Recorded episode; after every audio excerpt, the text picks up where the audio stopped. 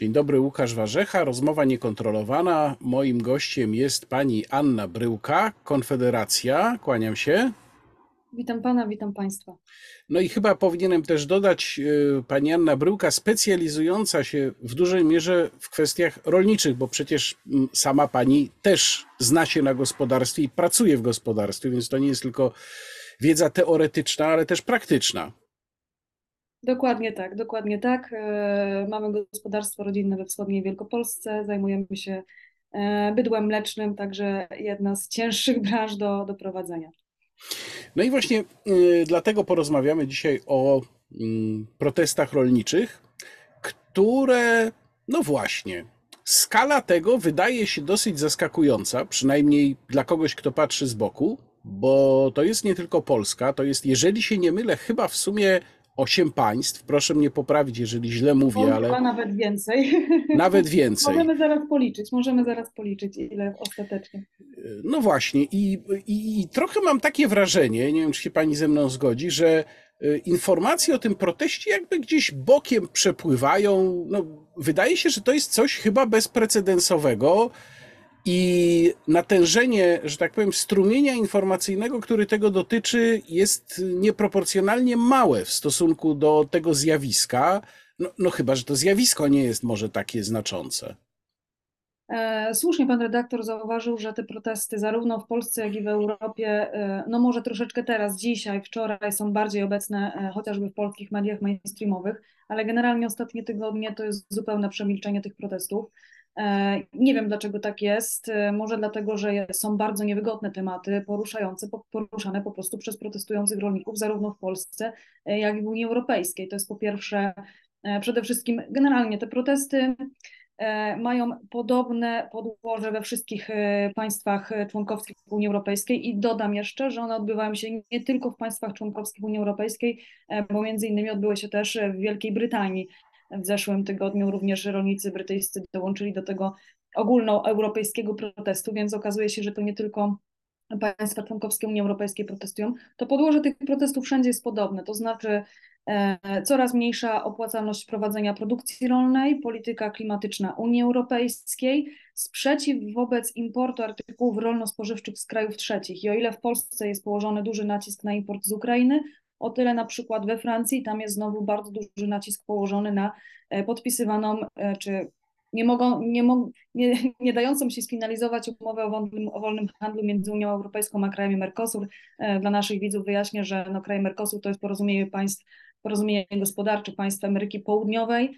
E, No i tutaj oczywiście e, wszystko wskazuje na to, że Europa będzie importować żywność z Ameryki Południowej, a w zamian za to e, Niemcy mogłyby sobie swobodnie sprzedawać czy jakieś samochody, czy sprzęt AGD, generalnie cały przemysł motoryzacyjny mógłby Ja na tym domyślam się, domyślam się, że francuscy rolnicy pewnie mają w dużej mierze problem z y, wołowiną, prawda? Bo to jest y, kraje Mercosur, no to jest y, to również Argentyna słynna Dokładnie z tak. wołowiny, tak, a, a Francuzi mają też swoją wołowinę i to jest tam istotna gałąź hodowli. Tu trochę pani uprzedziła moje następne pytanie, to znaczy jakie są podobieństwa, jakie są różnice, co spaja ten protest w różnych krajach, ale y, ktoś znów słuchający naszej rozmowy, kto się nie zna na biznesie rolniczym, może mieć taką wątpliwość. Pani mówi o spadającej opłacalności produkcji rolnej. No ale właściwie z czego to wynika? Przecież są dopłaty, jest wspólna polityka rolna w Unii Europejskiej. Gdzie tu jakiś spadek tej opłacalności? Na czym on polega? No, przede wszystkim polega on na wzroście, drastycznym wzroście e, kosztów produkcji i to jest e, główna przyczyna tych protestów, e, dlatego że raz, że ceny skupu drastycznie spadły, dwa, koszty produkcji wzrosły, co więcej na unijny rynek po prostu wjechały towary w dużej mierze z Ukrainy i przeciwko temu, no, na przykład Francuzi protestują przeciwko importowi mięsa drobiowego z Ukrainy, co jest ciekawe. E, I, I w ogóle protestują przeciwko temu, żeby na rynek francuski były dopuszczane e, towary, które nie spełniają e, francuskich, francuskich norm. A Natomiast- ceny skupu, ceny skupu spadły też z powodu tego napływu z państw trzecich? To jest ta sama przyczyna? Nie, ceny skupu są, na ceny skupu składają się trzy, trzy rzeczy, tak? To jest na pewno spadek cen na światowych rynkach i zwiększenie zapasów. To znaczy wszyscy na początku wojny spodziewali się, że Rosja no, zostanie troszeczkę wycięta z tego, z tego międzynarodowego, międzynarodowego rynku. Okazało się, że nie została. No i mamy bardzo dużą po prostu spadek cen światowych, wzrost podaży na unijnym rynku, to znaczy też mieliśmy stosunkowo dobre zbiory w ostatnich dwóch, trzech latach, więc to też się przyłożyło do tego. No i trzeci element to jest oczywiście import, import z Ukrainy gdzie akurat no, na polskim rynku to jest odczuwalne. Tak? No, to są te trzy czynniki, które prowadzą do tego, że no, są, jest spadek cen skupu i to właściwie we wszystkich, we wszystkich, we wszystkich sektorach rolnych. Także nie, to nie jest tylko wóz z państw trzecich, ale generalnie, e, generalnie, e, generalnie po prostu ogólnoświatowy spadek cen. I, I te zapasy to też eksperci podnoszą, jakie zapasy są na światowych rynkach, jakie my mamy generalnie zapasy w Polsce. E, to też raportnik, e, raportnik podaje te szczegóły dotyczące zapasów e, na koniec czerwca. Ja mam nawet je zanotowane. Zapasy, zapasy zboża w Polsce na koniec czerwca 2021 rok to, był, to było 3 miliony 800 tysięcy ton, a proszę sobie wyobrazić, że na koniec czerwca 2023 roku to już było prawie 10 milionów ton. Więc po prostu upłynnienie tego towaru no, będzie bardzo trudne i, i na, to, na to potrzeba czasu. E, no a z drugiej strony wiemy, że e, cały czas różnymi kanałami te artykuły rolne po prostu chociażby na rynek polski wpływają, tak? Mimo tego, że jest e, zakaz importu zboża, to okazuje się, że to zboże różnymi sposobami trafia na polski rynek. No i, i właściwie problem, przyczyna problemu cały czas zostaje nierozwiązana. Ilu rolników właściwie protestuje. Ja oczywiście nie pytam o dokładną liczbę, bo to jest bardzo trudno oszacować, ale pytam dlatego, że jednym z czynników, które mogą ten protest osłabiać, jest to, że na wsi pracuje przecież coraz mniej osób. W Polsce ten procent osób żyjących z uprawy roli czy, czy z hodowli, no generalnie z różnych działów rolnictwa jest i tak dosyć wysoki, ale na zachodzie, gdzie to rolnictwo jest w dużej mierze przemysłowe, we Francji, gdzie są duże gospodarstwa, w Hiszpanii, no w Wielkiej Brytanii też są już raczej duże gospodarstwa. Rolnicy to jest po prostu niewielka część społeczeństwa i zastanawiam się, czy to nie jest tak, że ludzie, którzy decydują o kierunku europejskiej polityki, uznali, że po prostu nie ma się co tą grupą przejmować, bo to jest tak niewiele osób, że oni nie będą w stanie wywrzeć żadnego wpływu. I panie redaktorze, naszym zdaniem też tak jest. To znaczy, e, rolników jest na tyle już mało, zarówno w Polsce, jak i w Europie Zachodniej, że oni nie mają wpływu na wynik wyborów. I to jest troszeczkę prawda, że poświęca się europejskie rolnictwo, żeby wspierać jakieś inne sektory. Natomiast e, no, kluczowe w tej sytuacji jest to, że bezpieczeństwo żywnościowe jest po prostu bardzo ważnym elementem bezpieczeństwa narodowego i nie wolno nigdy doprowadzić do sytuacji, w której zostanie ono e, no, zagrożone. To jest pierwsza rzecz. Druga rzecz nie oszukujmy się, Europa jest gigantycznym eksporterem żywności na świecie. E, I są rejony, w których Europa po prostu żywi resztę świata. Nie wiem, co by się wydarzyło, gdyby Europa zaczęła e, ograniczać e, produkcję żywności. No oczywiście no, nad tym się nikt tam nie zastanawia, nie zastanawia na poziomie Unii Europejskiej. Jeśli chodzi o wielkość tych protestów, o to pan redaktor tutaj zapytał, 24 stycznia, ten pierwszy ogólnopolski protest, ten ostrzegawczy protest, no według Według takich informacji podawanych przez organizatorów, to dało się policzyć, to było około 30 tysięcy traktorów, ciągników, które wyjechały na ulicę. To jest bardzo dużo. To znaczy, ja sobie nie przypominam, zresztą dla wielu organizatorów, również dla mnie, bo ja też uczestniczę w tych protestach, no było zaskoczeniem, kiedy w ostatni piątek w, jednej, w jednym powiecie e, po, przyjechało ponad 300 traktorów na protest, gdzie my się w życiu byśmy nie spodziewali, że, że tyle osób będzie chciało w ogóle wziąć udział, że, ma, że jest w ogóle zaangażowanie. No ale e, nie oszukujmy się, to po prostu trudna sytuacja wyprowadza rolników na ulicę. To znaczy, e, w momencie, kiedy Komisja Europejska zaproponowała rozporządzenie liberalizujące handel teraz w styczniu, no okazuje się, że będziemy mieć po prostu trzeci sezon e, masowego wwozu znowu towarów z Ukrainy. To znaczy mieliśmy pierwszy 2022 rok, mieliśmy 23 i będziemy mieć jeszcze 24 do połowy, do, do czerwca 2025 roku. No nie da się nie pracować bez dochodu przez 3 lata. No i to już wyprowadziło wielu rolników na ulicę, no bo jeden sezon da się, da się przetrwać, tak? Drugi, no też może jakoś się da, ale już trzeciego sezonu się po prostu nie da przetrwać. E, no i dzisiaj rolnicy są w bardzo trudnej sytuacji. Ceny skupu, które teraz mamy, to jest po prostu, no woła pomstę do nieba, tak? To ten spadek cen w porównaniu z rokiem 21, z 22 jest drastyczny i to wszędzie, we wszystkich, we wszystkich obszarach.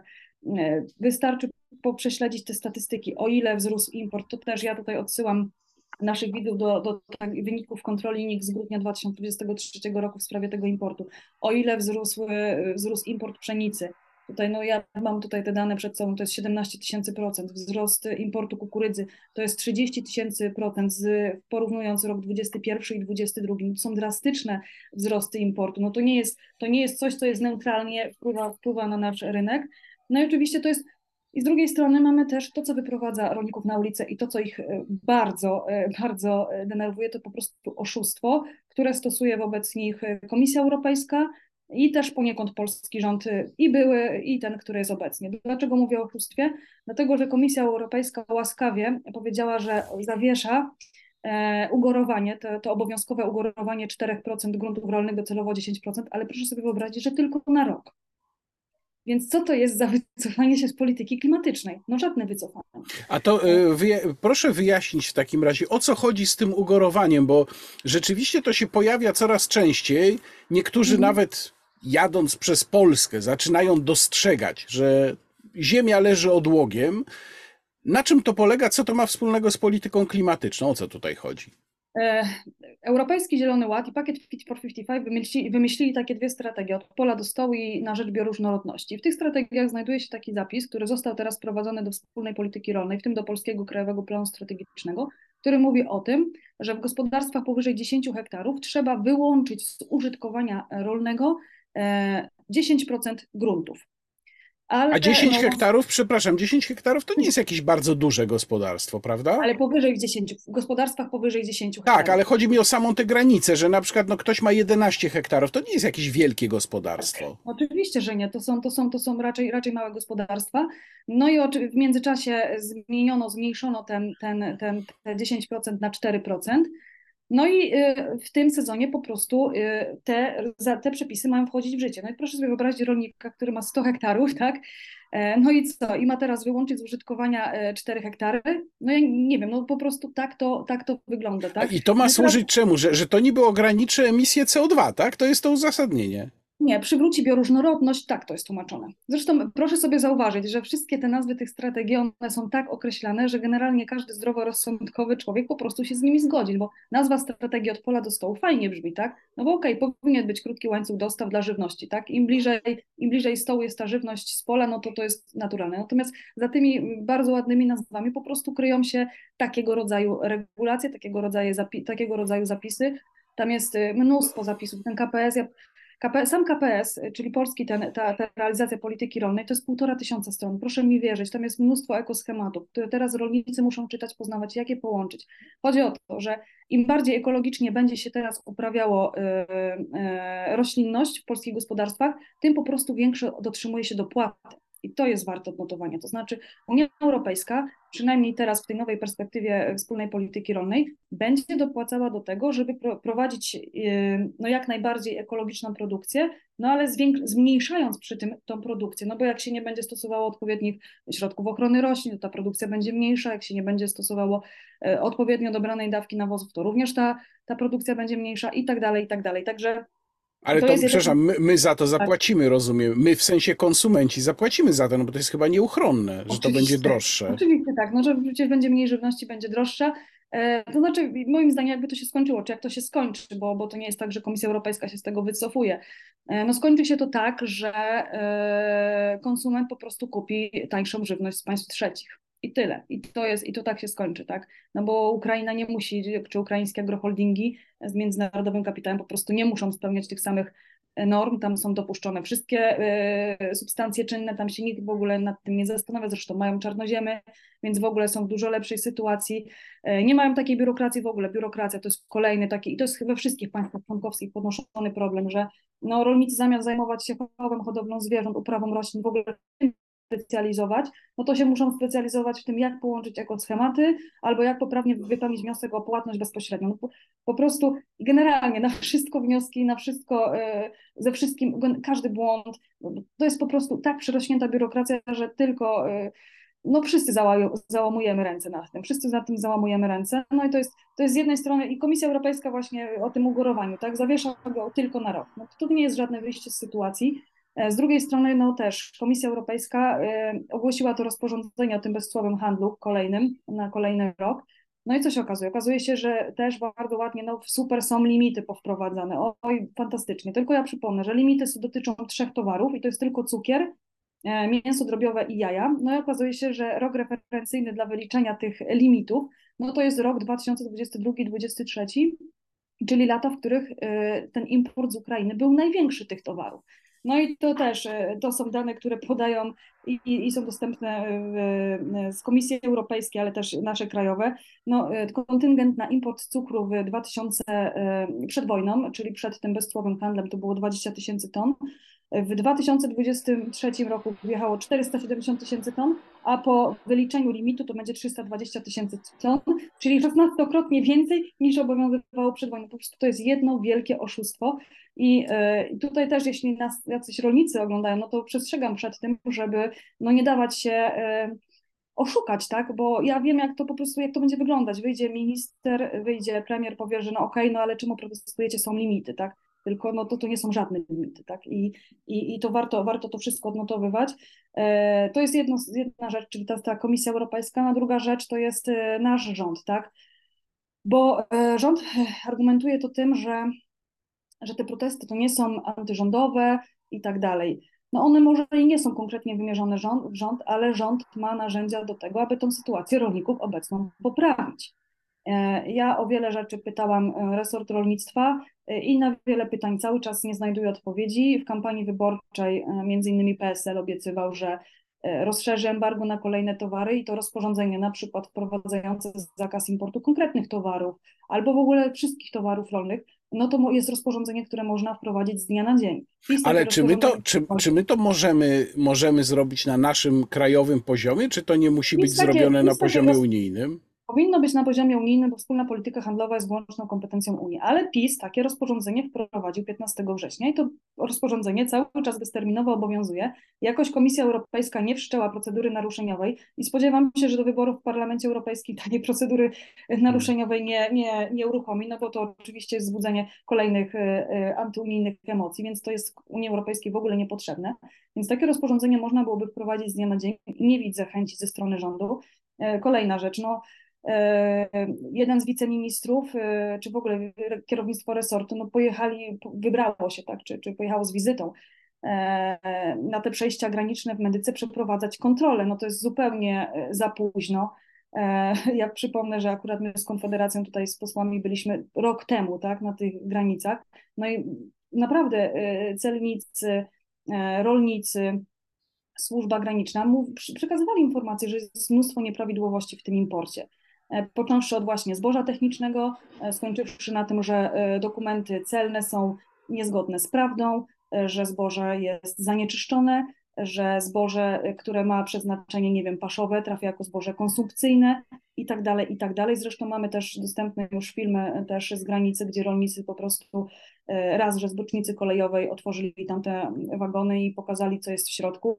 E, dwa, że okazuje się, że te plombowane transporty, które miały być tylko tranzytem e, przemieszczane przez kraj, okazuje się, i to też powiedział jeden z wiceministrów rolnictwa, trafiają na Litwę, a potem wracają do Polski już jako ziarno litewskie nie wiem, ile takich procederów jest w skali kraju.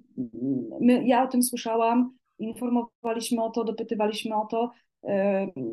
Jeśli no, wygląda na to, że nawet to, rolnictwa to ja, ja, No właśnie, ja czegoś tu nie rozumiem. To znaczy, wiceminister rolnictwa przyznaje, że de facto odbywa się nielegalna praktyka, no bo, bo w zasadzie jest to omijanie, to nawet trudno być omijanie prawa. No to jest to samo zboże cały czas przecież, tylko tak. że ono wykonuje kółeczko, prawda, przez Litwę. I jakby to gdzie jest polskie państwo? Panie redaktorze, ja odnoszę wrażenie, że polskie państwo po prostu w tej sprawie nie istnieje i że jest taka polityczna poprawność wobec tego, żeby zatrzymać ten import y, towarów z Ukrainy. Zresztą proszę sobie wyobrazić, no wystarczyło, że rolnicy otworzyli jeden ten transport ukraiński i od razu zostali nazwani E, jak to zostali nazwani przez tego mera Lwowa, już nie, nie, nie odtworzę. Soj, sojusznikami Putina. Putina, coś takiego, tak, prorosyjscy prowokatorzy i tak dalej. Naprawdę, ci protestujący rolnicy nie mają nic wspólnego z żadnymi prowokacjami, oni są po prostu na skraju wytrzymałości i dlatego y, po prostu wysypują to zboże. No to właśnie o, właśnie o to chciałem zapytać, bo y, rzeczywiście pojawiły się sceny, powiedziałbym, ekstremalne. No jedna to właśnie wysypywanie zboża, to się zdarzało w historii trzeciej RP w różnych sytuacjach przy protestach rolników już wcześniej, może młodsi widzowie mogą o tym nie pamiętać, ale to już dawno temu, Andrzej Leper, więc to tak, tak. naprawdę tak. To, to, jest, to jest długa historia tego prote typu protestów, no ale wiele osób ma z tym problem, mówi, no dobrze, ale przecież to jest jednak zboże, dlaczego to wysypywać, a też za granicą, jak się popatrzyło na filmy z niektórych protestów y, nie w Polsce, no, na przykład w Belgii, y, no to pojawiały się tam takie sceny, jak choćby traktor, który, nie wiem, czy można tak określić, orał asfalt i i rzeczywiście już z tej ulicy dużo w tym miejscu nie zostało.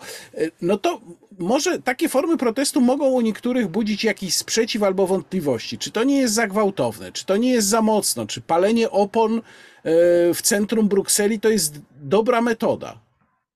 Panie redaktorze, i tutaj wrócę do początku naszej rozmowy. Moim zdaniem, gdyby nie było takich radykalnych kroków, to nikt by o tym proteście nie napisał, nie powiedział, zostałby zupełnie zmarginalizowany i, i nie miałby po prostu jakiegoś większego, większego, e, większego szerszego odbioru wśród, wśród, wśród, wśród, wśród polskiego, polskiego czy europejskiego społeczeństwa. Tak jest moje zdanie. No niestety, jeśli, ja przypomnę, to nie jest pierwszy protest, który organizują polscy rolnicy. O, zorganizowali, organizowali je przez cały zeszły rok. Ostrzegawczy protest był 24 stycznia. Naprawdę nikt się nie zainteresował tym tematem. Co więcej, uważam, że premier, obecny premier, lekceważy problem. To znaczy, i, od, i w ogóle odnoszę wrażenie troszeczkę, że kierownictwo resortu rolnictwa do końca nie wie, w jakiej sytuacji się znajduje e, i nie wie w ogóle, jakie narzędzia może wdrożyć, jakby lekceważyli trochę temat, jakieś takie pozorowane ruchy y, wykonywali, bo te pozorowane ruchy je widać.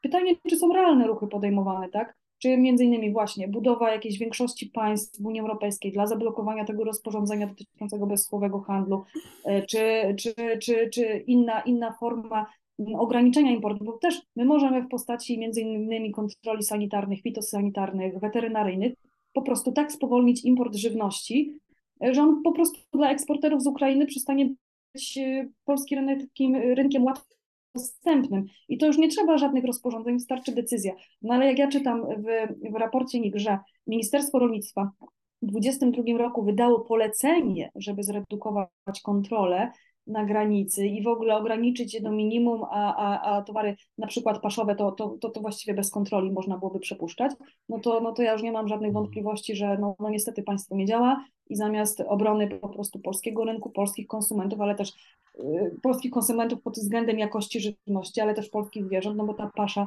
w części z Ukrainy też trafiła do polskich zwierząt. E, więc gigantyczne zaniedbanie. Gigantyczne zaniedbanie to ta afera, bo to trzeba nazywać wielką aferą dotyczącą tego importu e, artykułów rolno-spożywczych z Ukrainy po prostu powinna zostać wyjaśniona. Kto jakie decyzje podejmował? Ja wiem, że jeszcze 2022 rok, no to mogły te decyzje tak zapadać w, takiej, takim geście solidarności tak, z Ukrainą i pomocy i tak dalej, i tak dalej, ale no to nie ma nic wspólnego z gestem solidarności, ani w ogóle z solidarnością z walczącą Ukrainą, tylko to jest no, e, jak sobie, o to też zachęcam naszych widzów do tego, żeby sobie prześledzić zyski spółek E, tych koncernów spożywczych ukraińskich, czy w ogóle usytuowanych na terenie Ukrainy, które eksportują z Ukrainy, to są gigantyczne zyski, gigantyczne zyski pomimo wojny. A jak pani ocenia działania dwóch polskich urzędników, czyli po pierwsze pana Janusza Wojciechowskiego, komisarza do spraw rolnictwa. Tutaj również pytam o kwestię Zielonego Ładu, bo rolnicy, zwłaszcza ci na zachodzie chyba bardziej niż polscy, protestują także przeciwko temu. No i druga osoba charakterystyczna to jest wiceminister rolnictwa, pan Michał Kołodziejczak, który jest bardzo ruchliwy, pojawia się w różnych miejscach, spotyka się rzeczywiście z rolnikami. No, ja mam takie wrażenie, że to też jakiejś chyba osobistej odwagi od niego wymaga, bo tam bywa niespecjalnie miło przyjmowany. Czy pani uważa, że te dwie osoby działają skutecznie na korzyść polskiego interesu, działają na korzyść polskiego interesu, ale nieskutecznie, a może nic nie robią? To znaczy tak, przede wszystkim komisarza Janusza Wojciechowskiego i jego działalność w Komisji Europejskiej oceniam krytycznie, to znaczy on y, od początku, od, od początku swojej kadencji, od 2019 roku popiera, popierał ideę Europejskiego Zielonego Ładu, mimo tego, że była krytykowana od samego początku przez e, środowiska branżowe, przez, może nie przez samych rolników, bo rolnicy do rolników te wszystkie rzeczy docierają po prostu z opóźnieniem, ale środowiska branżowe krytykowały Europejski Zielony Ład. kreśliły po prostu zagrożenia, które są z tym związane. Do komisarza Wojciechowskiego te argumenty w ogóle nie docierały. Co więcej, smutne jest to, że no niestety ale polski komisarz, akurat tutaj komisarz rolnictwa w tej kadencji, no jest bardzo krytycznie oceniany przez resztę Europy Zachodniej, e, przez rolników z Europy Zachodniej, uważają go za współwinnego. Co więcej, ja słyszałam również takie opinie.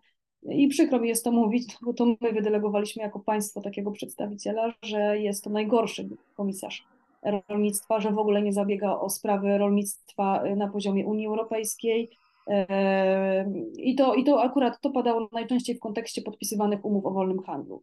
To w takim, w takim duchu, że zamiast, e, zamiast tego, żeby komisarz rolnictwa pracował nad tym, żeby e, wspierać eksport artykułów rolnych z Europy do wszystkich innych państw trzecich i tutaj budować naszą pozycję, no to wprost odwrotnie te, te działania. Oczywiście no, komisarz rolnictwa może nie, nie w aż takim zakresie odpowiada, no ale jest przedstawicielem rolników na kolegium komisarzy, więc powinien reprezentować interes rolników europejskich. E, no więc, więc tutaj jak najbardziej krytycznie. Teraz e, e, no zdaję sobie sprawę też, że, że już ta jego dymisja, czy, czy nawet on nawet nie chce się tutaj podawać tej dymisji, już nie ma znaczenia, tak, bo ta kadencja się kończy za, za trzy miesiące, więc, więc to i tak już nic nie zmieni, tak. Natomiast no niestety komisarz Wojciechowski podpisał się pod, podpisał się pod tym wszystkim, co robił Franz Timmermans w zakresie polityki klimatycznej w rolnictwie. I tutaj nie mam co tego wątpliwości. E, no, wiceminister Kołodziejczak znalazł się w dość trudnym położeniu, dość trudnej sytuacji. E, ja na pewno zachęcam do tego, żeby e, oprócz tych właśnie wyjazdów, kontroli, spotkań i tak dalej, po prostu podjął jakieś realne działania. E, żeby wpłynął między innymi na premiera, skoro ma taki, zresztą cały czas powtarza też w tych swoich wywiadach, że ma bardzo dobry kontakt z premierem e, Donaldem Tuskiem, no to e, niech zasugeruje premierowi, żeby te postulaty rolników po prostu zostały zrealizowane. No i to jest jego, jego praca, to jest jego działanie, no bo można było e, naprawdę wspierać protestujących rolników, ale kiedy się jest w rządzie, to ma się narzędzia. To już się ma narzędzia. A jeśli się nie umie, znaczy no nie umie, jeśli się nie ma wpływu na rząd, będąc w rządzie, to trzeba się podać do dymisji, bo to po prostu jest. Mm, no bo jak się, jak się nic. I ja sobie zdaję też sprawę, bo to też e, wielokrotnie poprzedni ministrowie w takich kuluarowych rozmowach mówili, że no oni by tą politykę inaczej prowadzili, no ale premier mówił tak, albo nie mieli wpływu na premiera. No i co mogli zrobić? No tak to niestety wygląda, że jeśli nie ma premiera, który, e, dla którego te sprawy rolnicze, sprawy polskiej wsi, sprawy bezpieczeństwa żywnościowego nie są ważne, no to też minister rolnictwa może być najlepszy, ale no niestety też nic nie zdziała. E, więc no tutaj, jeśli mogę zaapelować do, do wice, wiceministra Kołodziejczaka, no to, to, to, żeby po prostu zamiast e, tych wyjazdów wszystkich tak dalej, po prostu realne działania. Realne działania. I oni też jako resort rolnictwa mogliby na przykład e, ułatwienia w biurokracji powprowadzać. Tak? To nie są duże rzeczy. To nie są duże rzeczy, to można też robić rozporządzeniami, tutaj nie potrzeba ustaw, bo ja sobie też, panie redaktorze, przyznajmy sobie rację jeszcze w jednej sprawie. To znaczy sprawy rolne nie mają większości, to znaczy nie mają większości w obecnym rządzie. To znaczy wszystkie e, dobre rozwiązania dla rolników będą kontestowane przez Zielonych albo przez Polskę 2050, które mają bardziej, no jakby powiedzieć, antyrolniczy, e, antyrolniczy taki, taki yy, antyrolnicze poglądy, tak? Chociażby ta ustawa o zakazie zwierząt futerkowych, która wyszła teraz z... No to zaraz jeszcze, zaraz jeszcze chcę o to zapytać, ale, ale zostańmy jeszcze na razie, bo to jest ciekawy wątek przy, ty, przy tych sporach wewnątrz koalicji, bo, bo tutaj też jest pytanie o stanowisko PSL-u, który przecież y, no, wiele osób mogło mieć nadzieję. Rozumiem, że pewnie sektor rolniczy też taką nadzieję mógł mieć, że PSL będzie strażnikiem rolniczych interesów w tym rządzie. Ja mogę powiedzieć, że pewnie ludzie o bardziej konserwatywnych poglądach mieli nadzieję, że PSL będzie strażnikiem, czy pewną taką no, kotwiczką, bo może nie kotwicą, kotwiczką jakiejś, jakiejś, jakichś poglądów konserwatywnych, nie pozwoli na pójście w ekstrema. A mam trochę takie wrażenie, obserwując politykę, jakby PSL w ogóle zniknął, tak jakby go nie było. Znaczy PSL na pewno znalazł się w trudnej sytuacji. PSL-owi trzeba też oddać. To jest ważna informacja, że zawsze w tych głosowaniach rolniczych głosuje e, zgodnie z, z rolnikami. To, to, to muszę oddać, bo jak, nawet jak była piątka Kaczyńskiego, e, to PiS, Platforma poparły, PSL tak jak należy zagłosował przeciw. Nadmienię również, że na poziomie Unii Europejskiej europosłowie z PSL również głosują e, tak jak należy. E, także to, to jest warte odnotowania. Natomiast teraz znaleźli się w bardzo trudnej sytuacji, to znaczy z jednej strony cały czas artykułują te prorolnicze postulaty, no a z drugiej strony nie bardzo mają narzędzia, żeby je zrealizować, tak? bo oni są, no tylko PSL zagłosowałby pewnie za, za zagłosowałby przeciwko ustawie zakazującej zwierząt futerkowych całej koalicji. Takie, tak mi się wydaje. Tak mi się wydaje, że tylko oni zagłosowaliby przeciw. E, nie wiem, jakby zagłosował PiS. Sądzę, że pewnie też przeciw po tych doświadczeniach swoich z 2020 roku. No i my, Konfederacja, też zagłosowalibyśmy przeciw. No ale to, to widzi pan redaktor, to jest bardzo trudnej sytuacji się znalazł. To znaczy nie ma możliwości, on może, oni mogą artykułować swoje prorolnicze postulaty, ale nie mają w ogóle większości do tego, żeby je realizować w drodze ustaw. Mogą je realizować w drodze rozporządzeń, no bo Ministerstwo Rolnictwa jest w całości PSL-u. No i mają, no, mają po prostu te narzędzia, mają te narzędzia takie na drodze, na drodze, na drodze rządowej, ale one też są ograniczone przecież też pewnie przez, przez premiera, premiera Donalda Tuska. Yy, no, no zobaczymy, zobaczymy, co z tego. No właśnie, wiecie, sam, sam się zacząłem zastanawiać, chociaż nie mamy takich szczegółowych sondaży, ale jakie są nastroje na wsi, jeżeli chodzi o elektorat PSL-u, czy elektorat PSL-u, ten wiejski, bo jest jakaś tam część jeszcze też miejska, chociaż pewnie bardzo mała, jest usatysfakcjonowany działaniami swojej partii i czy ona nie zaczyna tracić właśnie w tym elektoracie. Przecież walczyła, PSL walczył o wieś z PiSem, no i w pewnym mm. momencie też walczył o wieś z Konfederacją. To była taka walka trzech sił głównych na, na wsi. No i ta walka cały czas trwa, natomiast e, moim zdaniem PSL w momencie tej koalicji jednak z Szymonem Hołownią trochę stracił i stracił też w oczach swoich działaczy.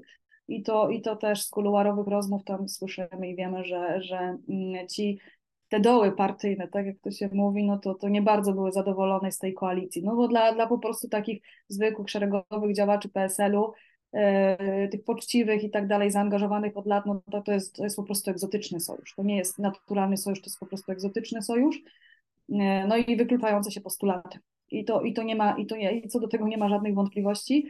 E, czy ten, teraz nawet jest chyba to trudne już do zbadania, tak? Jak duży ten elektorat samego PSL-u jest, jak duży ten elektorat jest w ogóle na samej wsi i czy ten elektorat e, PSL-u na wsi to jest osób mieszkających na wsi, czy rolników, tak? Bo to też trzeba rozróżnić, no tak. że na wsi już nie mieszkają sami rolnicy, więc to jest bardzo, bardzo trudne, bardzo trudne do rozstrzygnięcia.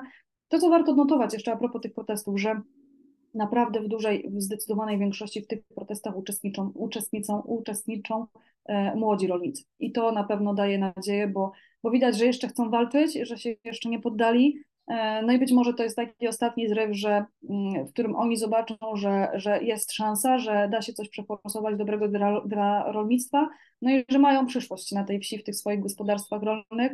E, no bo gdyby to się miało nie udać, to sądzę, że wielu, wielu, wielu zrezygnuje, tak? Wielu zrezygnuje z tej działalności. No to ostatnia sprawa, o którą chciałem zapytać, powrót właśnie próby skasowania hodowli zwierząt y, futerkowych. Polska chyba, jeżeli się dobrze jeżeli dobrze mm, myślę, została ostatnim dużym producentem, bo Holandia swoje e, hodowle wygasiła z powodu COVID-u, COVID-a. Nie Dania, wiem, czy to Dania, był. Dania dokładnie. Dania, przepraszam, Dania, tak. Wygasiła swoje hodowle z powodu COVID-a. Nie wiem, czy to był pretekst tylko, no tak podejrzewam, że mógł to być tylko pretekst, żeby je zlikwidować. E, więc rozumiem, że Polska w tej chwili pozostaje, e, w Europie pozostaje potentatem. Na zdrowie. Tak. Tak, dziękuję. E, tak, mhm. pozostaje na, na, na świecie potem, na, nie tylko w Europie, na świecie potentatem. E, to znaczy, i powiem nie tylko dla mnie, ale dla wielu rolników, sprawa e, zwierząt na futra jest po prostu sprawą strategiczną. Dlatego, że jeśli pójdzie zgoda na to, żeby zamknąć ten sektor, to oznacza, że za kilka kolejnych lat będą zamykane kolejne sektory i pretekst też się znajdzie no bo ludzie jedzą mniej mięsa, bo to, bo tamto, zawsze znajdzie się jakieś argumenty, zresztą, zresztą e, strona Zielonych jest bardzo, e, no szuka tych argumentów, gdzie tylko może i zawsze znajdzie jakieś dokumenty, żeby je poprzeć, albo jest jakiś konsensus. Czyli, na, czyli należy to traktować jako początek równi pochyłej. Tak.